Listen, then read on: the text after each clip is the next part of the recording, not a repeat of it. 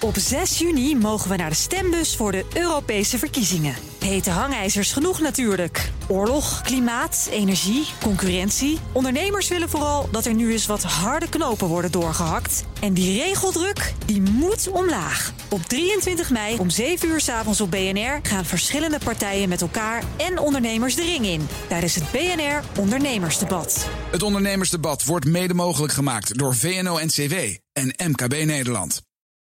Hoi, ik ben Carlijn Meinders. Dit is Wetenschap vanavond. Al eeuwen merken schippers van de wereldzeeën op dat ze de ergste stormen moeten trotseren wanneer ze zich op het zuidelijk halfrond bevinden. Nu denken onderzoekers te weten waarom het daar stormachtiger is dan op andere plekken. Sinds de jaren 80 bevestigt ook satellietdata dat de stormen op het zuidelijk halfrond, waar je onder andere Australië en delen van Afrika en Zuid-Amerika vindt, heftiger zijn dan op het noordelijk halfrond. Zo'n 24% heftiger om wat preciezer te zijn. Onderzoekers van de Universiteit van Chicago denken nu een idee te hebben waarom. Ze combineerden hiervoor observaties, bestaande literatuur en klimaatmodellen en vonden twee mogelijke oorzaken. De eerste: bergketens. Op het noordelijk halfrond vind je er daar veel meer van. Haalden ze die weg in simulaties, dan veranderde dat de luchtstroom en werd het verschil in stormachtigheid op de twee halfronden een stuk kleiner. De andere oorzaak: oceaanstroming.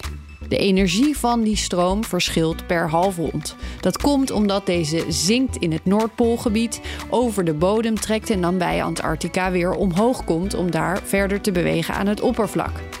Maakten ze die stroom in simulaties gelijk, dan verdween de rest van het verschil in stormachtigheid. Wat ze ook zagen is dat het verschil toeneemt sinds in de jaren 80 is begonnen met satellietmetingen. Het zuidelijk halfrond wordt steeds stormachtiger. Die toename konden ze weer linken aan veranderingen in de oceanen. Allemaal kennis die belangrijk is bij het beter inschatten van en voorbereiden op de gevolgen van klimaatveranderingen in de toekomst. Is één minuutje wetenschap niet genoeg en wil je elke dag een wetenschapsnieuwtje? Abonneer je dan op Wetenschap vandaag.